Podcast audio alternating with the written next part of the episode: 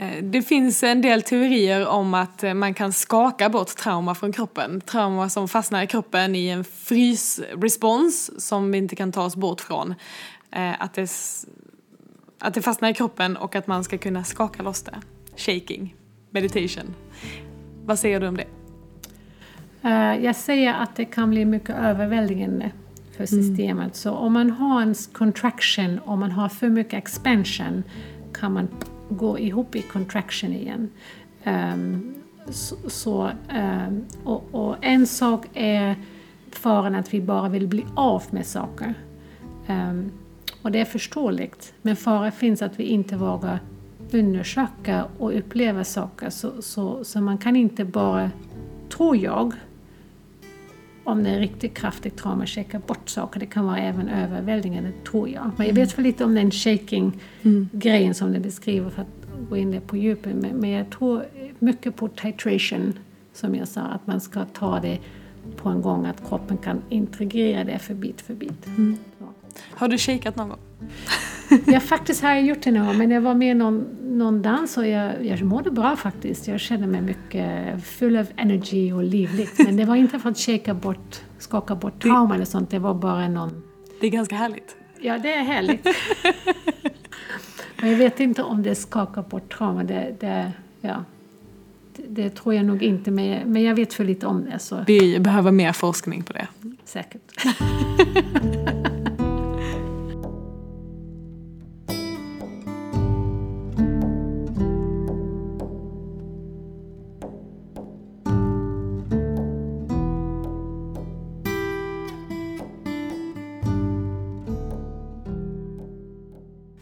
Ja, vad är ett trauma egentligen?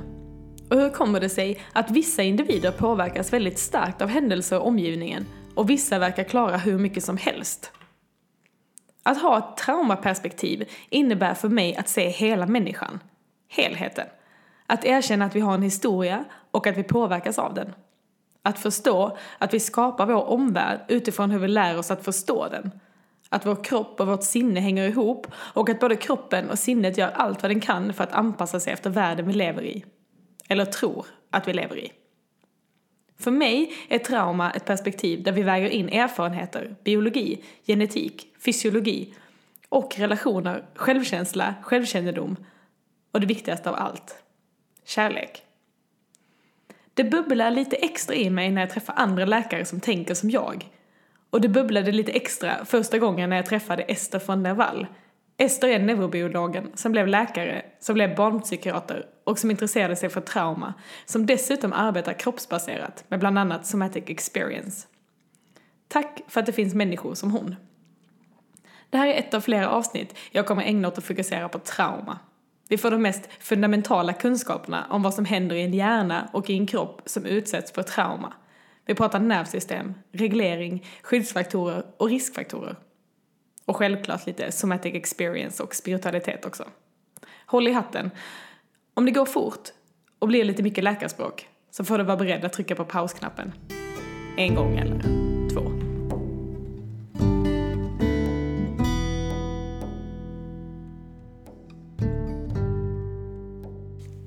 Då kör vi!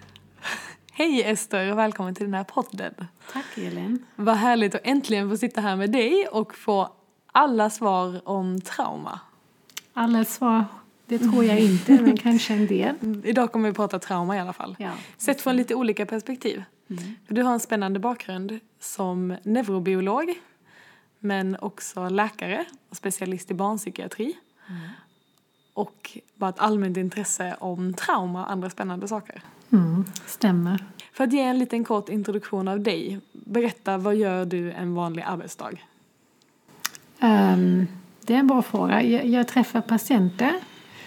Uh, jag jobbar på en barn och ungdomspsykiatrisk mottagning.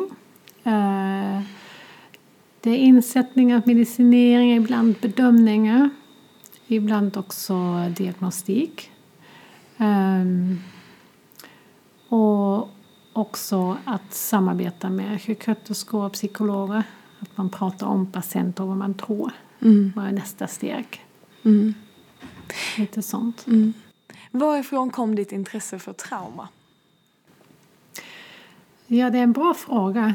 Um, jag tror nog mest, uh, om jag är helt ärlig, är vad jag har observerat. Eller hur jag ibland tolkade vissa Eh, situationer eller vissa problem hos människor. Ehm, jag såg i mitt rum många människor som var, som jag kallade disreglerat. Så det betyder att man inte kan hantera sina känslor. Man har svårt att hantera stimuli. Um, och egentligen har man det med många psykiatriska problematik. Depression, ADHD, autism, men säkert också trauma.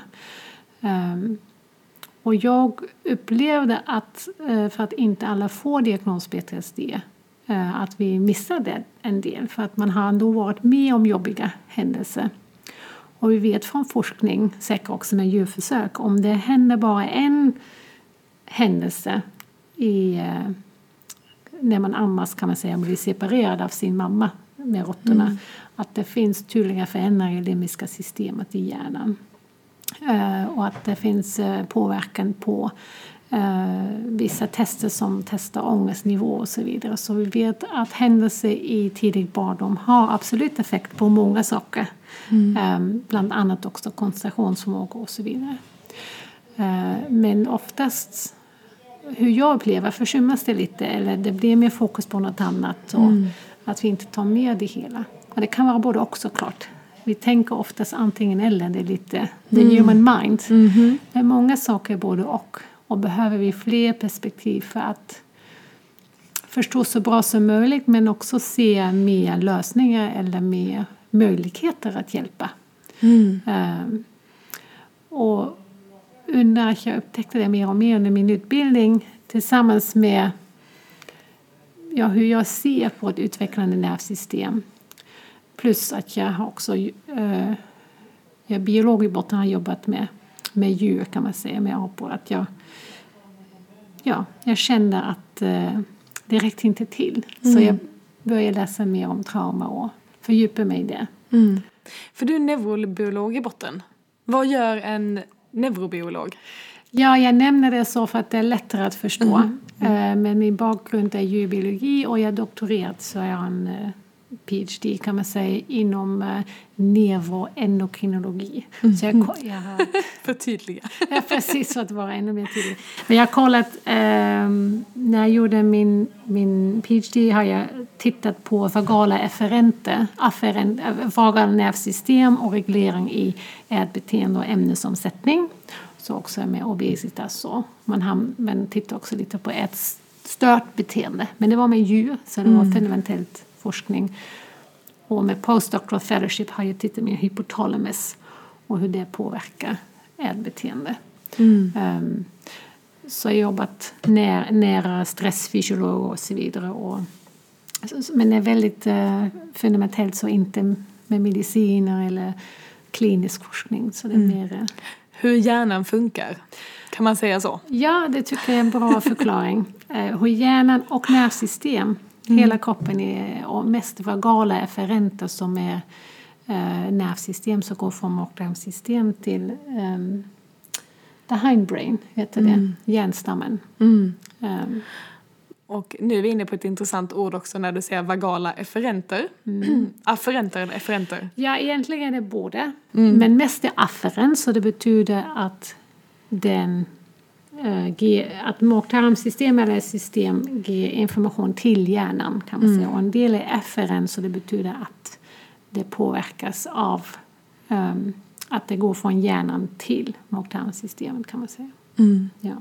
Och den spännande vagusnerven är det då vi pratar om. kan du säga någonting kort om den? Så här på två minuters introduktion till vagusnerven för de som inte har hört det ordet förut.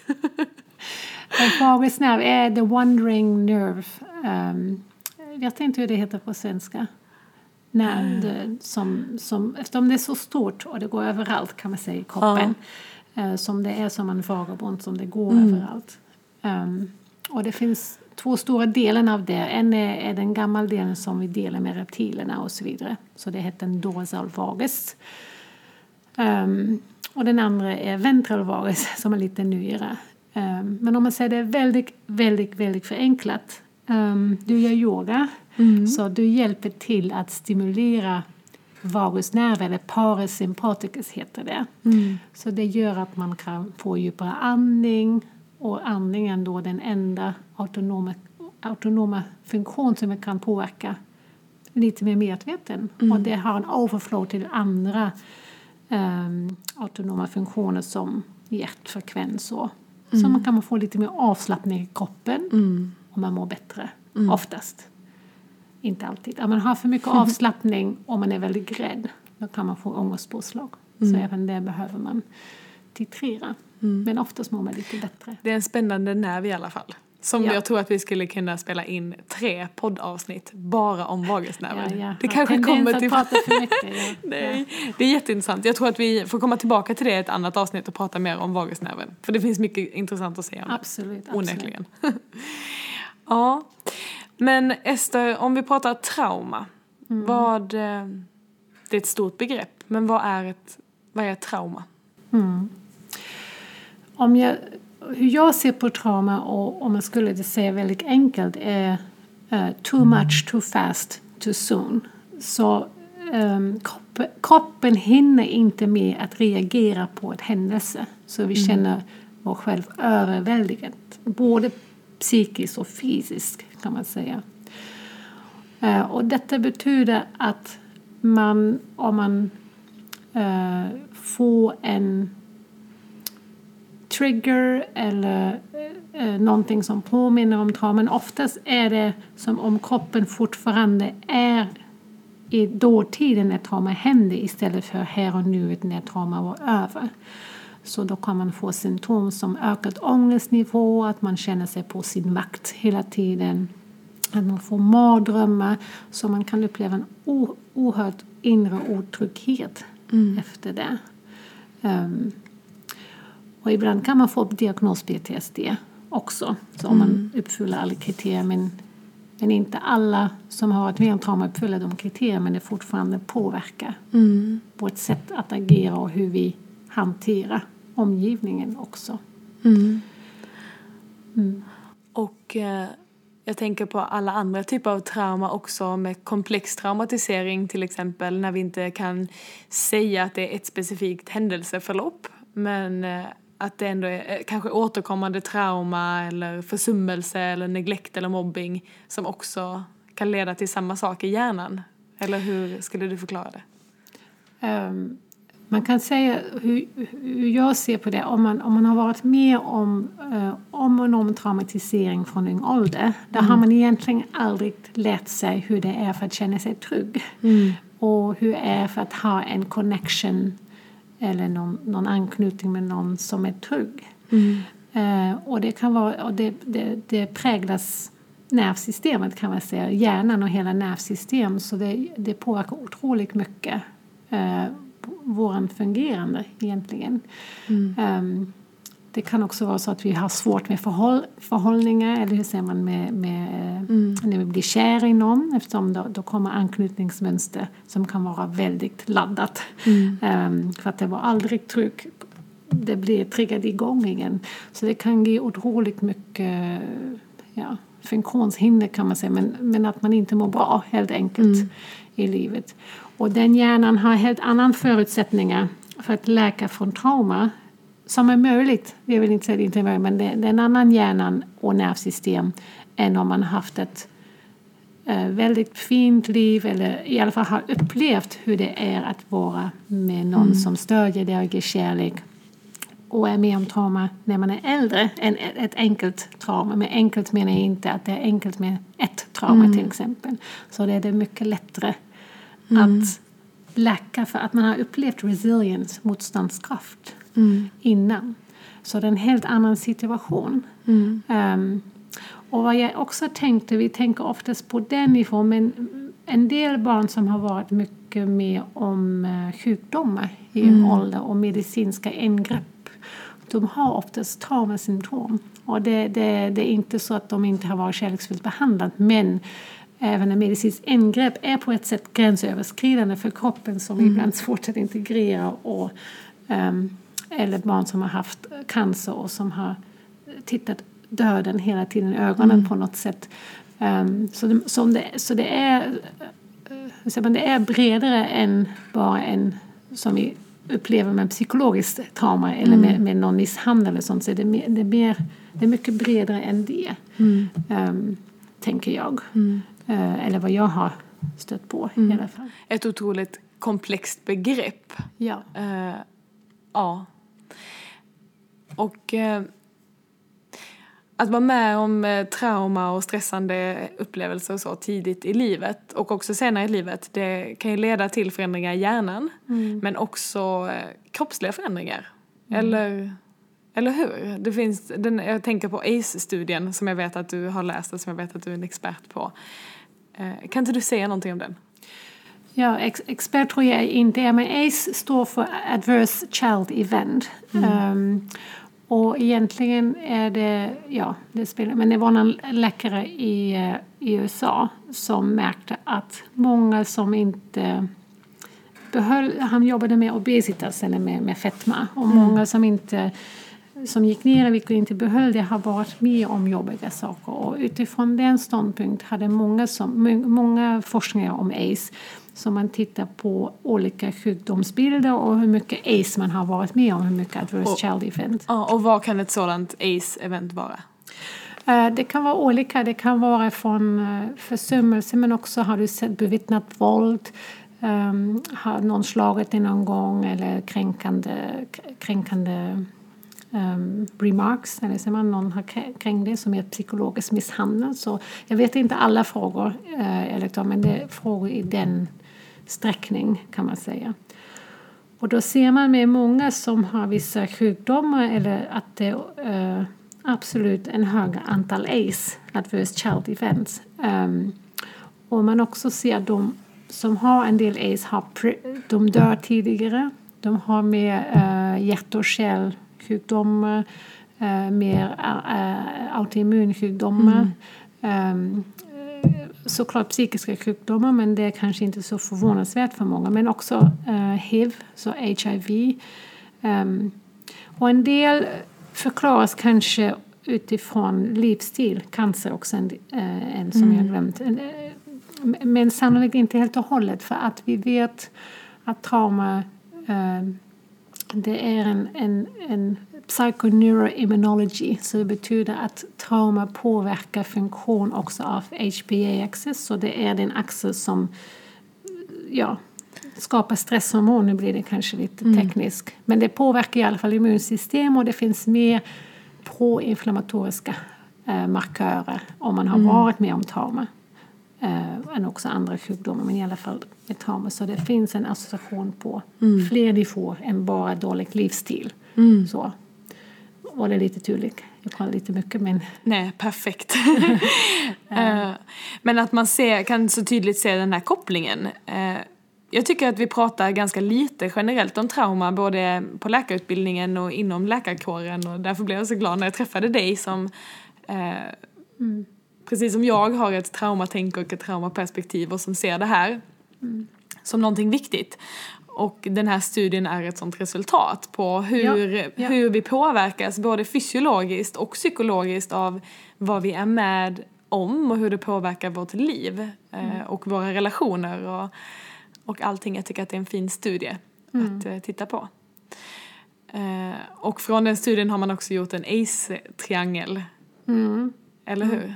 Eh, ja, så, så att man... eh, ehm, eller ACE-pyramiden säger man kanske. ja, pyramiden. Det ser ut som en man. triangel på alla ja, men det, föreläsningar. det, Samma sak.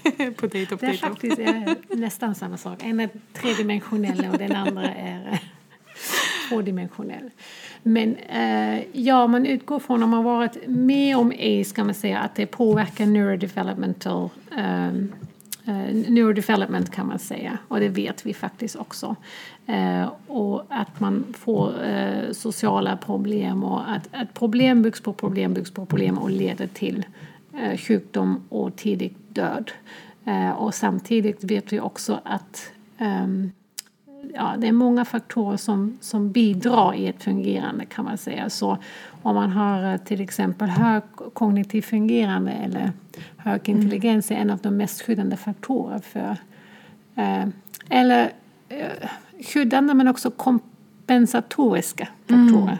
Jag vet inte om skyddande är helt... Det skyddande är att man kanske inte hamnar i kris just tidigare. Men, men eh, så, så det, det, är en ganska komplex pyramid egentligen. Eh, det beror också på om man har en bra lärare på skolan som kan vara väldigt skyddande mm. eller någon granne som är väldigt fin. Så, så, så, så det är mycket komplext var man hamnar i den pyramiden och det är mycket man frågar om rep reparation. Mm. Och jag, um, vi vet att trauma kan överärvas. Uh, mm. Men det är sannolikt också att resilience kan överärvas. Så om vi läker av trauma att vi hjälper också våra barn mm. med det. För att vi kan mm. också bättre korreglera. Om vi är reglerat då har barn med deras spegel ifrån också ett förebild. Ja, man kan vara reglerat kan man säga. Um, så, så, så, det är komplext och, och kanske känns lite negativt men det är också mycket hopp mm. i det. Det vill jag säga. Eller också framföra. Mm. Ja. Mm. mm. Att prata om trauma, som vi nämnde precis förut att vi pratar så lite om det. Eh, det känns lite skambelagt och lite skuldbelagt. Eh, även om vi alla bär med oss mer eller mindre. Vi har ett bagage och vi har alla levt ett liv och vi, mm. jag tror att vi alla kan relatera till det. Mm. Men ändå är det så ja, skambelagt att prata om det. Varför tror du att det är så? Det är en bra fråga. Ehm, jag vet inte om jag kan ge exakt svar. Jag tror ändå att vi vill oftast visa vår bästa sida till varandra kan man säga. Um, och det, det, är säkert också nu med alla ja, social media och, och vi vill gärna visa hur, hur bra och hur duktiga vi är kan man säga.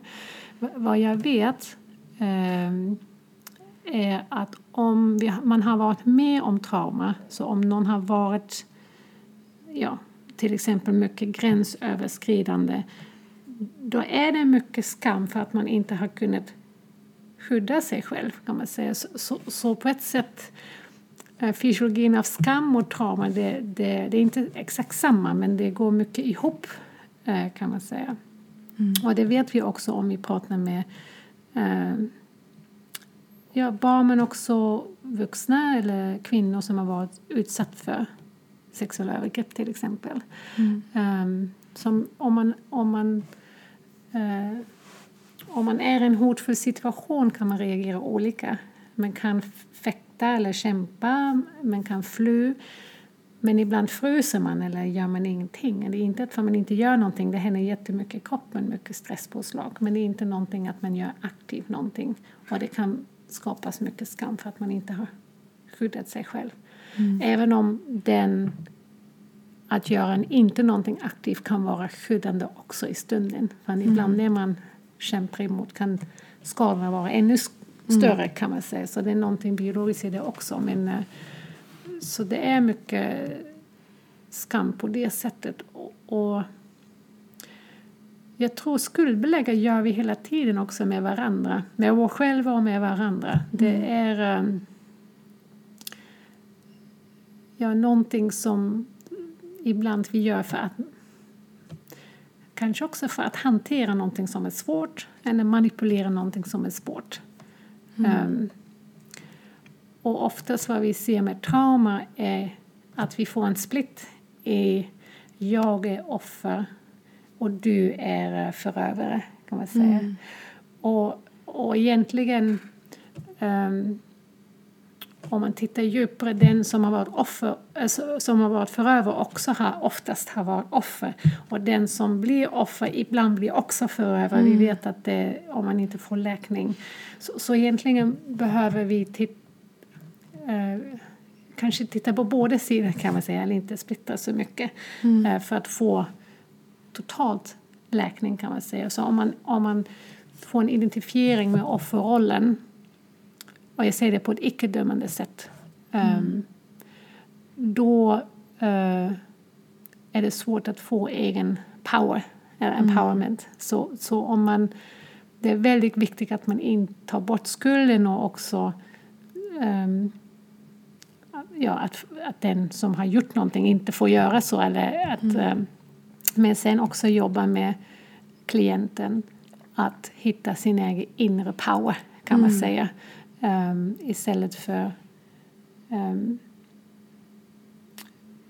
och jag måste säga det försiktigt för, för att det, det, kan tolkas fel men uh, om man alltid, hur säger man? Ilskan i processen av traumabehandling är mm. väldigt, väldigt viktig. Men ilskan är, är någonting som empowers, kan man mm. säga. För då tar man, så det är alltid en väldigt viktig del i hela terapeutiska processen som behöver guidas väldigt. Eh, Viktigt att den får komma ut på rätt sätt. Exakt, på rätt sätt och, och uh, directed på rätt sätt mm. och guided på rätt sätt kan man säga. Mm. Um, och med medvetenhet istället för affekt kanske? Ja, och att man Eh, att uppleva en känsla är inte samma som att uh, to express, mm. kan man mm. säga. Uh, och vad jag tror um, är att uppleva en känsla och ha medvetenhet vad händer inom sig. Um, och sen utifrån det get expression som är uh, på ett medvetet sätt är annorlunda än att man slår på ett kudde för att få ut affekten som kan vara hjälp hjälpsamt till en discharge. Men ibland kan man göra saker utan att man är medveten och upplever mm. det.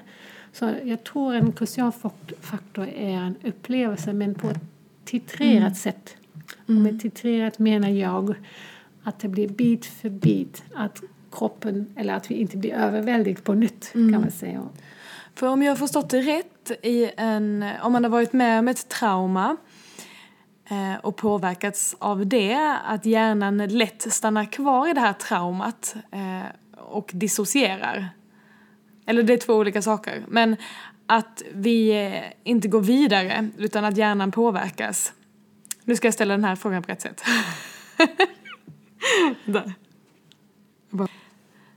Men med, med tanke på hur hjärnan påverkas under ett eh, trauma, det är en eh, kraftig reaktion som också blir kroppslig.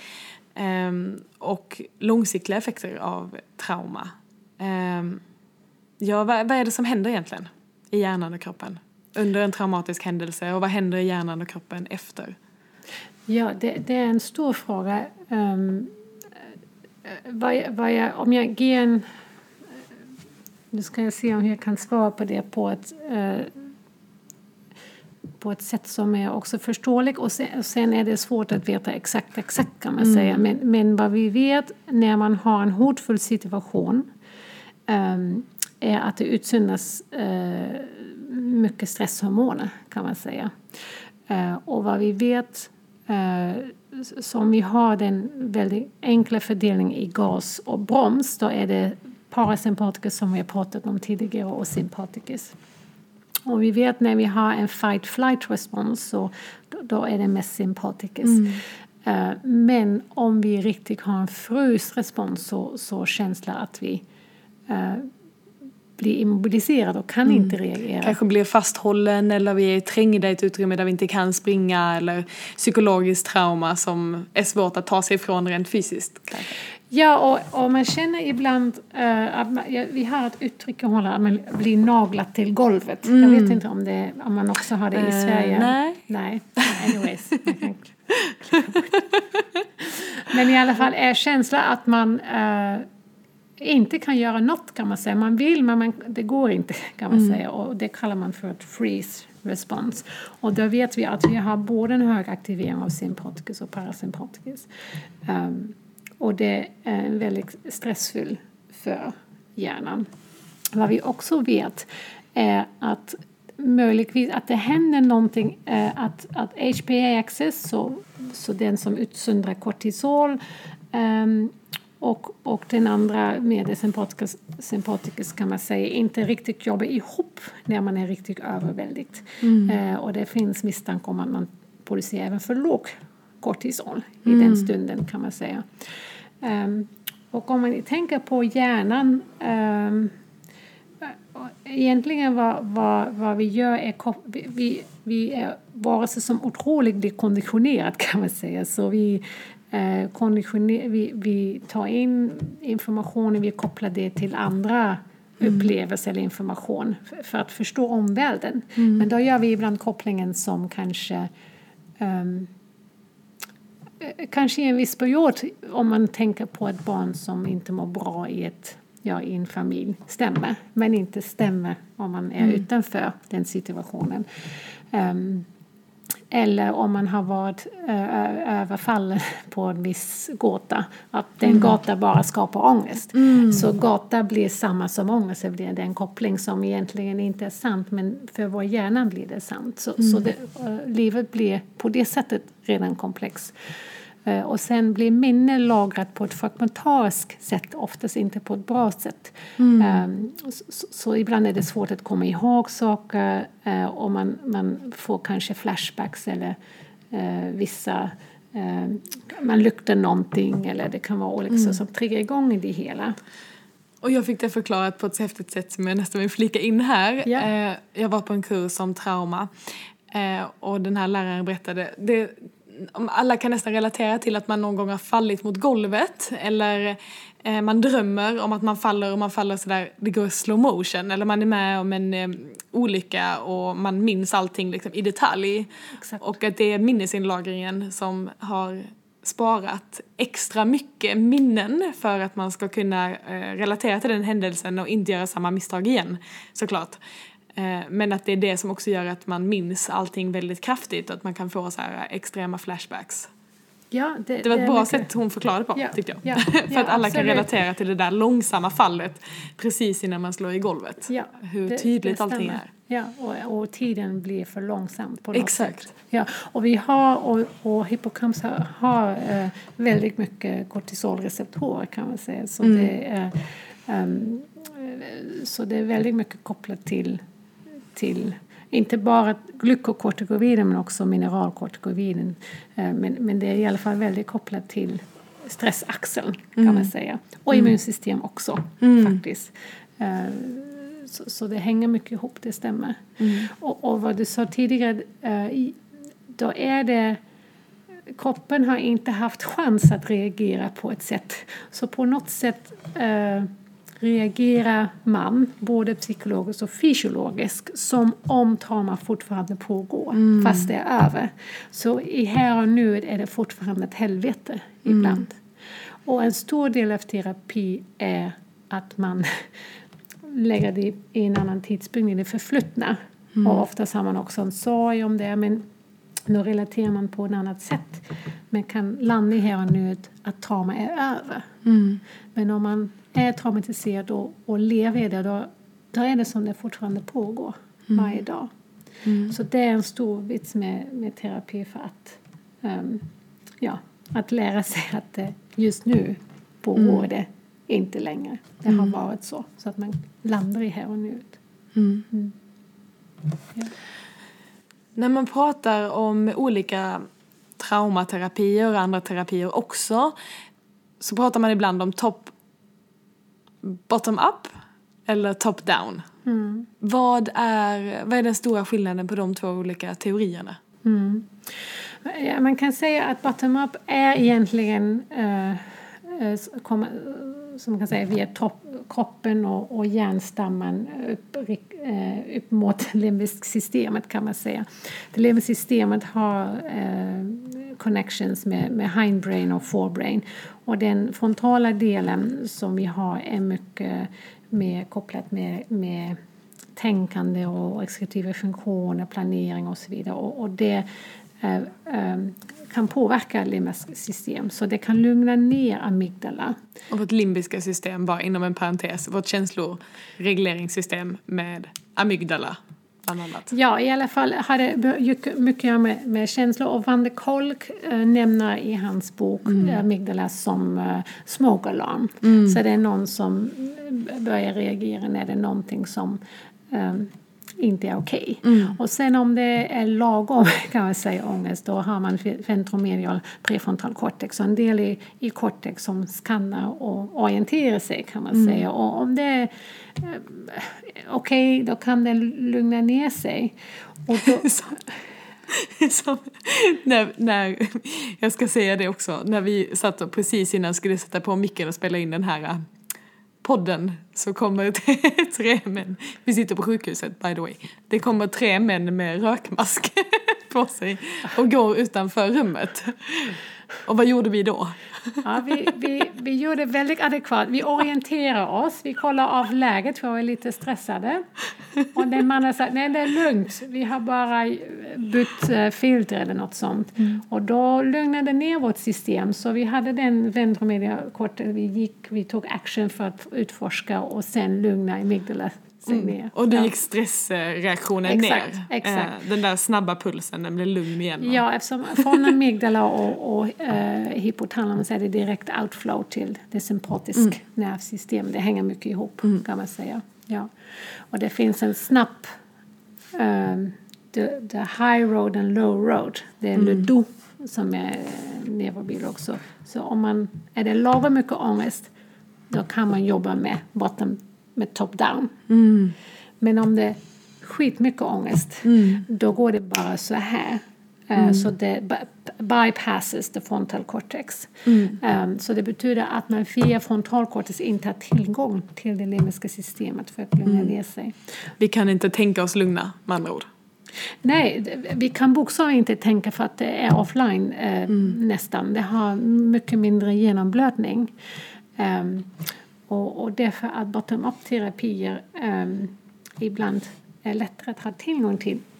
Och egentligen hakar man på top-down också eftersom man tar in medvetenhet som också en del av frontal cortex. Mm. Så man gör saker bottom-up men man försöker också vara mindful om det eller medveten eller um, ha det position av the witness kan man säga. Så man inte blir sina känslor, man har lite avstånd av det. Mm. Så, så, man jobbar egentligen både och, även mm. om man jobbar bottom-up. Och väldigt bra top-down-terapeuter gör också det egentligen mm. på naturligt sätt. Mm. Ja. Så det är egentligen också både och, inte antingen eller. Men ibland är ingången lättare från mm. bottom-up. Och yoga kan då vara ett exempel på en bottom-up eh, terapi absolut. där man jobbar med kroppen för att påverka absolut, hjärnan. Absolut. Eh, kroppen och andningen Eh, så, så, så, yoga jobbar mycket med känsloreglering egentligen. Mm. Uh, och, och medvetenhet. Så egentligen jobbar det också top-down också.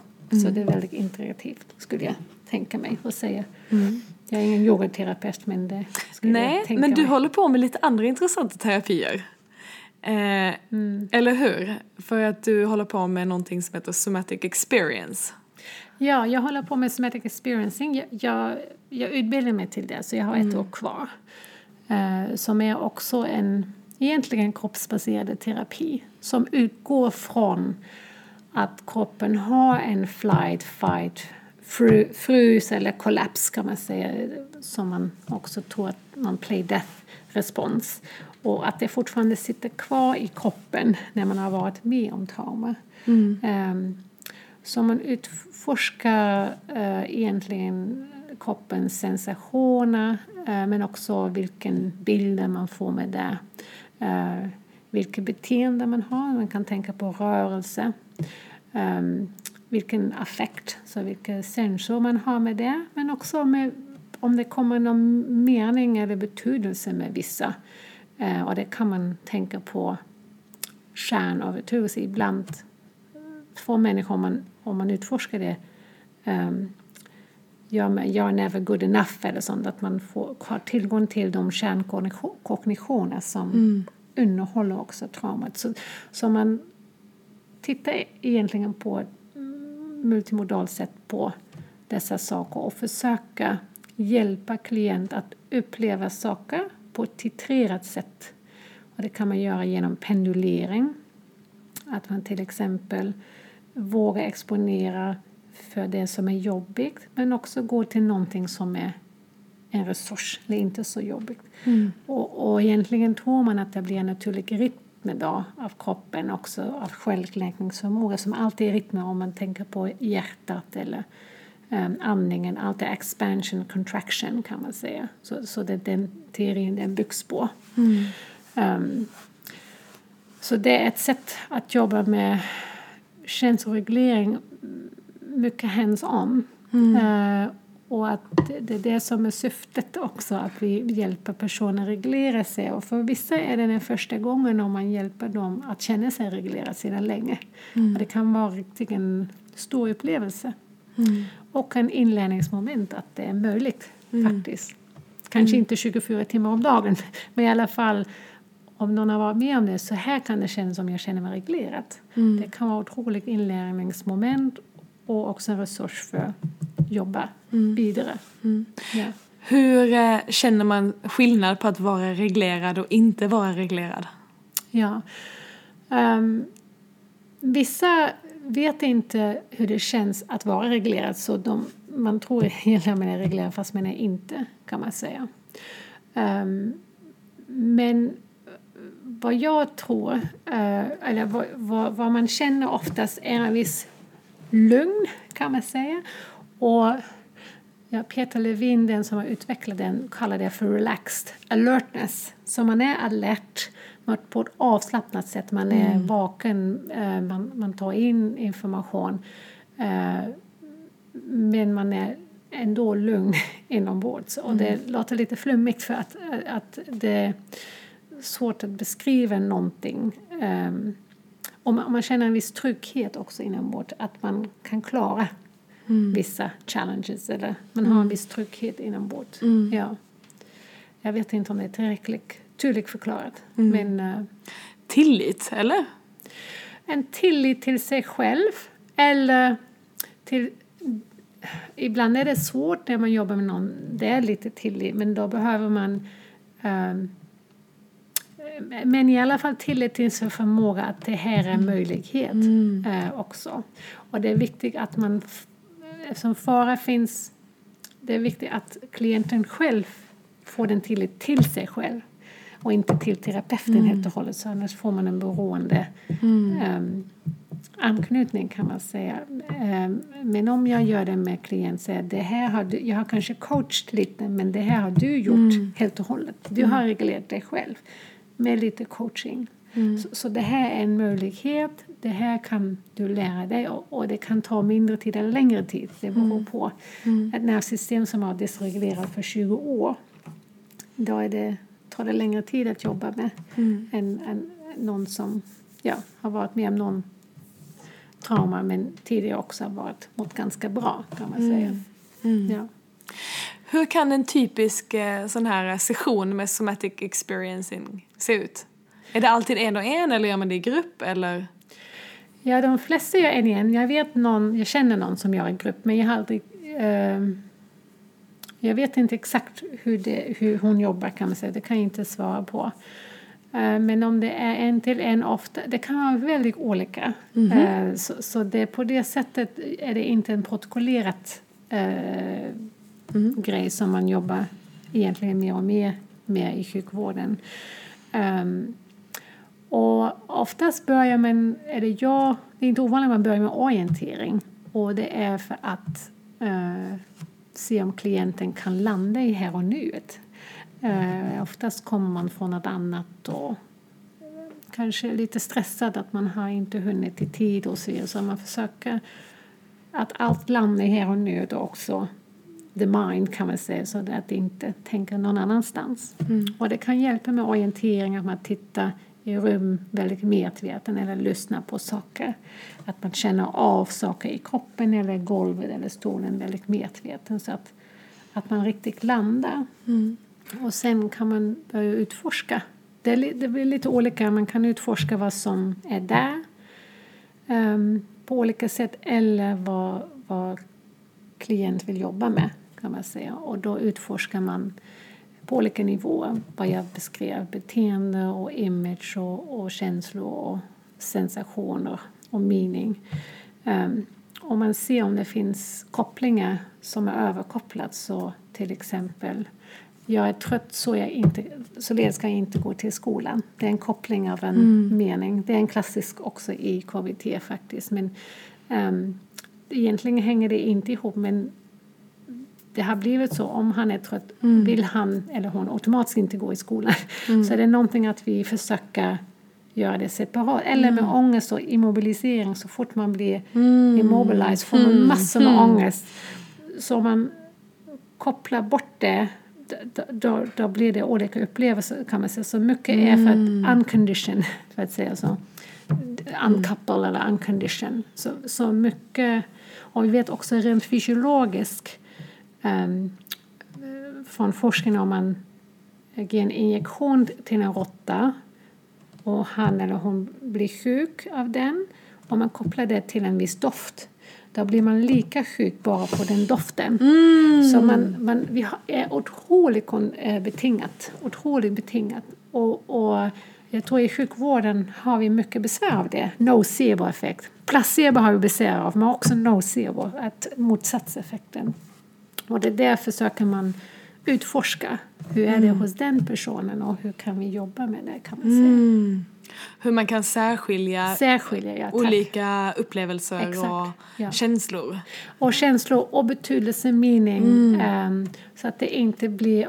Det kan även med smärta vara så. Som ryggssmärta, även ett smärtmönster är ett betingat mönster ibland. Lumbago, mm. så, så ryggsmärta, 90 procent har vi inte bra förklaring för. Um, och, och, vissa smärtor blir igångsatt utan att vi mm. kanske vet trigger. Det finns så många trigger som vi är omedvetna av.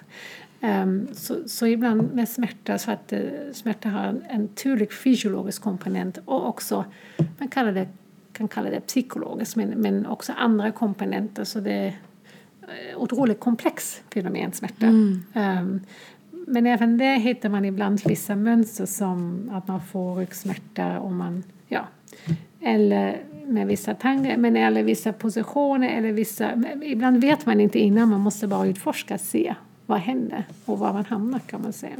Mm. Så det kan vara spännande men det är på det sättet inte så protokollerat att man exakt kan säga vad händer. Men mm. vissa mm. saker, det är titration som är ett väldigt viktigt element och pendulering som jag sa och, och uh, corrective experience. Så om man har varit med om någonting uh, då försöker man ha en, uh, en upplevelse som man hade, skulle ha behövt eller skulle ha velat att, och, och att kroppen upplever en annan möjlighet. Även om det inte har hänt på riktigt.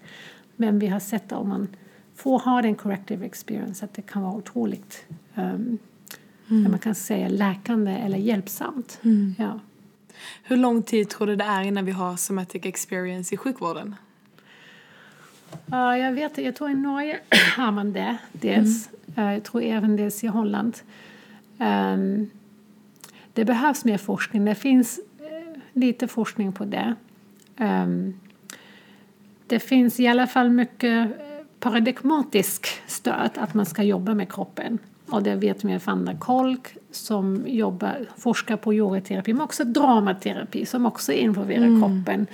Uh, uh, och han jobbar mycket också med Peter Levine och Pat Otken som, är, ja, så, som jobbar med sensomotorisk terapi. Så, så, så uh, det är mycket, eller allt som pekar på att vi behöver ta med kroppen mer och mer i behandlingen. Um, men det finns också och det, ibland också, det finns många som inte tror på det eller inte vill tro på det eller säger det är mer evidens för KBT till exempel. Som är det för en viss del, men det är för att man har forskat mest på det. Mm. Och det är missuppfattning om det inte är evidens att det inte funkar. Det kan mm. funka mm. till och med bättre. Um, men utifrån ett paradigmatisk uh, synpunkt Eh, om man tittar på neurobiologisk forskning, it makes a lot of sense to work bottom up. Mm. Mer än, än top down med KBT, faktiskt mm. för mig. Eh, nu kanske vissa håller inte alls med mig, mm. men jag pratar utifrån min egen mm. ståndpunkt. Mm. Ja. Så jag hoppas att det kommer in mer och mer. Jag vet att det finns vissa i sjukvården nu så kan det. Jag vet att vissa eh, fysioterapeuter har intresse för det. Eh, men det är folk som har sett det i, i deras... Du vet, de jobbar med klienter och de ser det, att det mm. behövs. Och de ser, ser det mm. man måste ha med. Eh, om man gör fysioterapi kan det väckas väldigt mycket, eller yoga, för att mm. man jobbar med kroppen. Eh, så man känner behov av att jag behöver någonting att hjälpa de klienter att reglera sig kan man mm. säga. Så, så i utbildningen är många också fysioterapeuter, också psykologer, också andra läkare. Så det är många yrkeskategorier mm. som jobbar med det. Mm. Ja.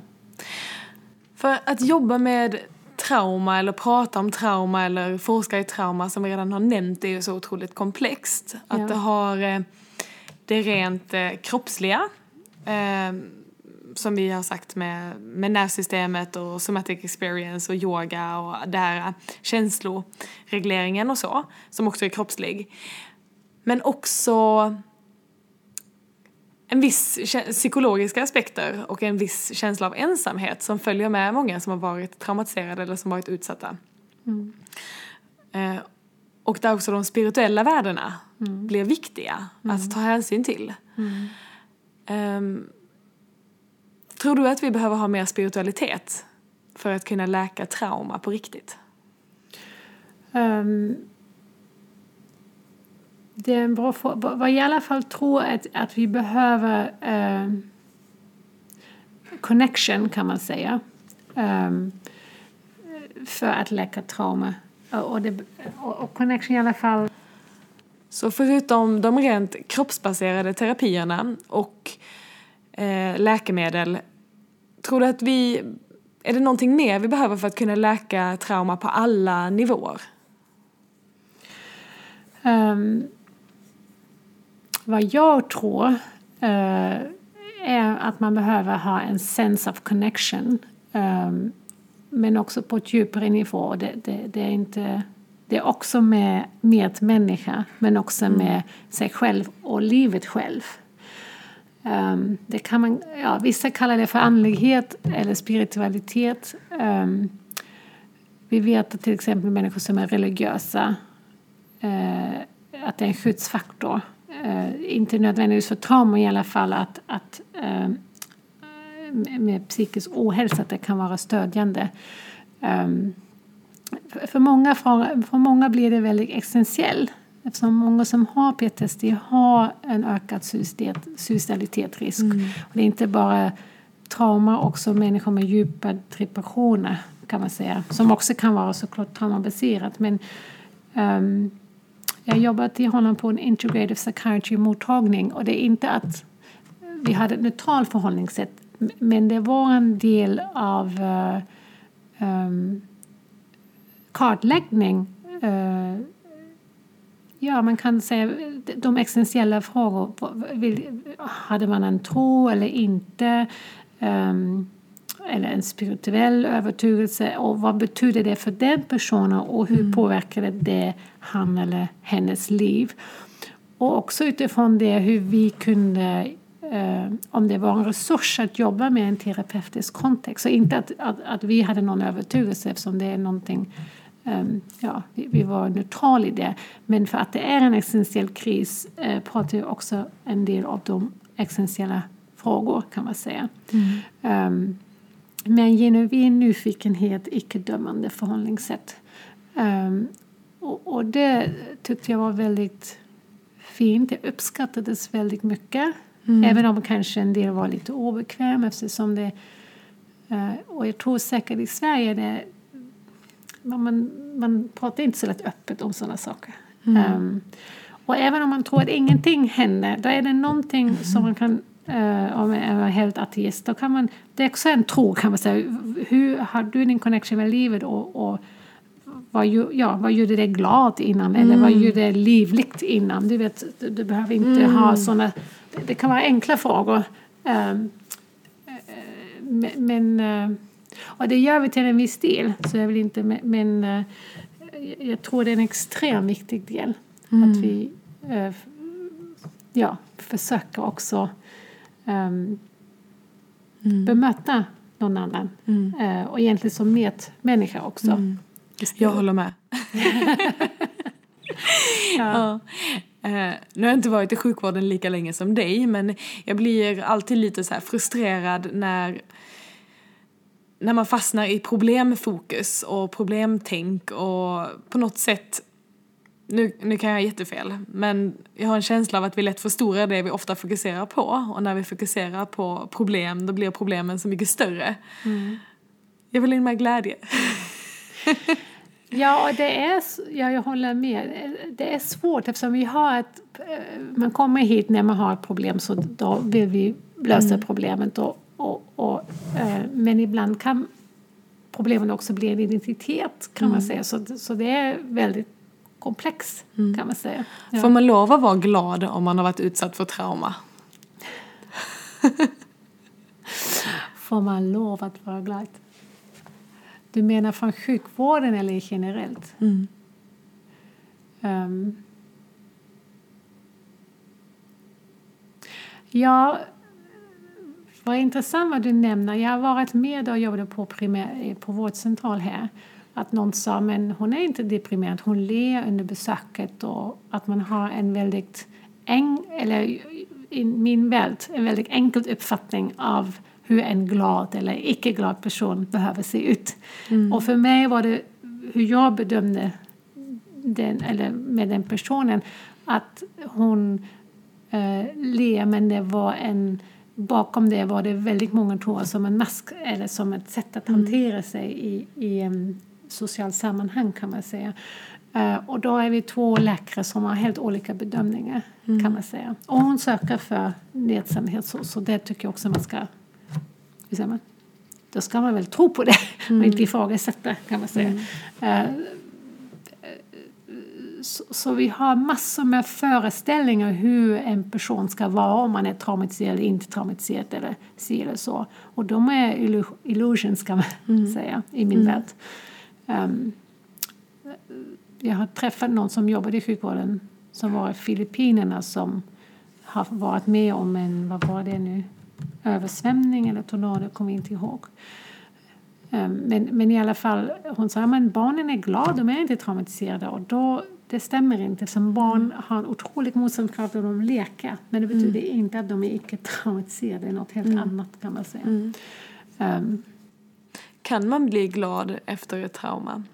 Vad har hjärnan och kroppen för, vad har man för eh, förutsättningar att bli frisk och läka sådant som man kanske har varit med om i barndomen eller tidigt i livet? Man kan absolut, tror jag, eller ja, frisk är också ett svårt koncept, men i alla fall att man tycker att man har en liv som är eh, värt att leva, kan man säga. Det tror jag. Man behöver rätt hjälp och alla har olika förutsättningar. Mm. Men man behöver också rätt hjälp. Mm. Um, som man kanske inte alltid får, kan man säga. Um, uh, men, men jag tycker det är för stort. Det, det, är en komplex... Det är vissa som inte blir lätt frisk och, och kämpar med det. Och det är högt suicidantal också, om man säkert mm. tittar i USA. Um, som, jag säger det med otroligt mycket försiktighet, kan man säga. Um, uh, trauma är, jag tycker, extremt komplex. Mm. Um, och jag vet fortfarande extremt lite om det tycker jag, även mm. om jag är väldigt intresserad av det. um, jag ser dig som expert. ja, det, det, är jag inte, ärligt talat. Men, men, men jag har uh, mycket passion för det. Mm. Och, och uh, um, absolut har man förutsättningar. Det är mm. mycket hopp. Och, och, det är väldigt individuellt mm. hur det ser ut. Ja. Mm. Mm. Så jag vill vara också försiktig med mina uttalanden kan man säga. Mm. mm. Vi ska börja runda av, men som vanligt tycker jag det är så fint att få eh, skicka med ett litet konkret verktyg till de som har lyssnat. Finns det någonting du kan dela med dig av från Somatic Experience eller annan traumabehandling eh, att mm. göra hemma på egen hand och testa? Um Ja, en, möjlig, en liten övning är eh, om man ska börja med någonting som är lagom jobb, jobbigt kan man säga. För, för men, um, man skulle kunna eh, sätta sig någonstans och, och försöka orientera sig som man säger. Så att man medvetet tittar runt vad man ser, tre saker man ser tre saker man hör till exempel och tre saker man blir uppmärksamma på. Eh, I kroppen till exempel. Och man kan känna av, det kan hjälpa ibland att man blir riktigt buren av stolen och att fötterna blir buren av golvet. Så att man behöver inte jobba mot tyngdkraften men att man kan bara få låta det vila i det. Ibland kan ryggstöden också vara till hjälp. Och då kan man se vad man lägger märke till till kroppen. Ehm, och till exempel om det är lite obehag kan man se, kan man försöka utforska vad känns det? Känns det som en rund grej eller som hade en hård konstell eller mjuk eller känns det brinnande eller mer som fjäril? Man kan, eh, är det någon affekt med det? Är det ångest? Eller, man kan kolla upp det lite. Så mycket man talar. Sen kan man tänka på, man kan göra olika, eller om man hittar någon ställe i kroppen som känns neutral eller behagligt. Och kan man göra samma sak, utforska. Eller man har en bild eh, som man gillar mycket, vissa gillar blommor till exempel. Och att man ser, om jag tittar till den blomma, eller tittar på blomman, vad händer med mig? Blir jag glad? Och hur är glädje i min kropp då? Om man försöker utforska det. Um, och sen kan man gå tillbaka till den förra känslan. Har det ändrat sig något kan man säga? Och det är inte ovanligt att märka att det har blivit mindre. Kan man säga. Så kan, det kallar man för pendulering. Mm. Man ska lyssna på sig själv att det inte blir för jobbigt. Samtidigt måste man inte för lätt gå heller om man vill ha ändring i systemet. Men att man um, ger utrymme till det som är jobbigt. Men också uh, ge utrymme till det som man tycker är fint. Så att man pendulerar mellan dem. Mm. Och man kan se vad händer. Kan, mm. Jag hoppas att det inte är för komplext men det, det är väldigt enkel övning egentligen och, och ibland ger det ganska stort resultat mm. när man gör det med klienter. Mm. Ja. Tack! Varsågod, tack för att jag fick komma. Mm. Ja, tack snälla. Tack. Hejsan allihopa, det här är Johan, producent på Yogadoktorn och den här veckan vill jag ge ett extra stort tack till eh, Peter och alla andra på Yogoby som eh, sponsrar den här veckans avsnitt och håller oss flytande. Och vill du också bidra till Yogadoktorn så kan du swisha på numret 123 21 42 883 och det numret finns som vanligt i informationsfältet där du lyssnar på vår podcast. Tack så mycket för att du har lyssnat på den här veckans avsnitt av Yogadoktorn.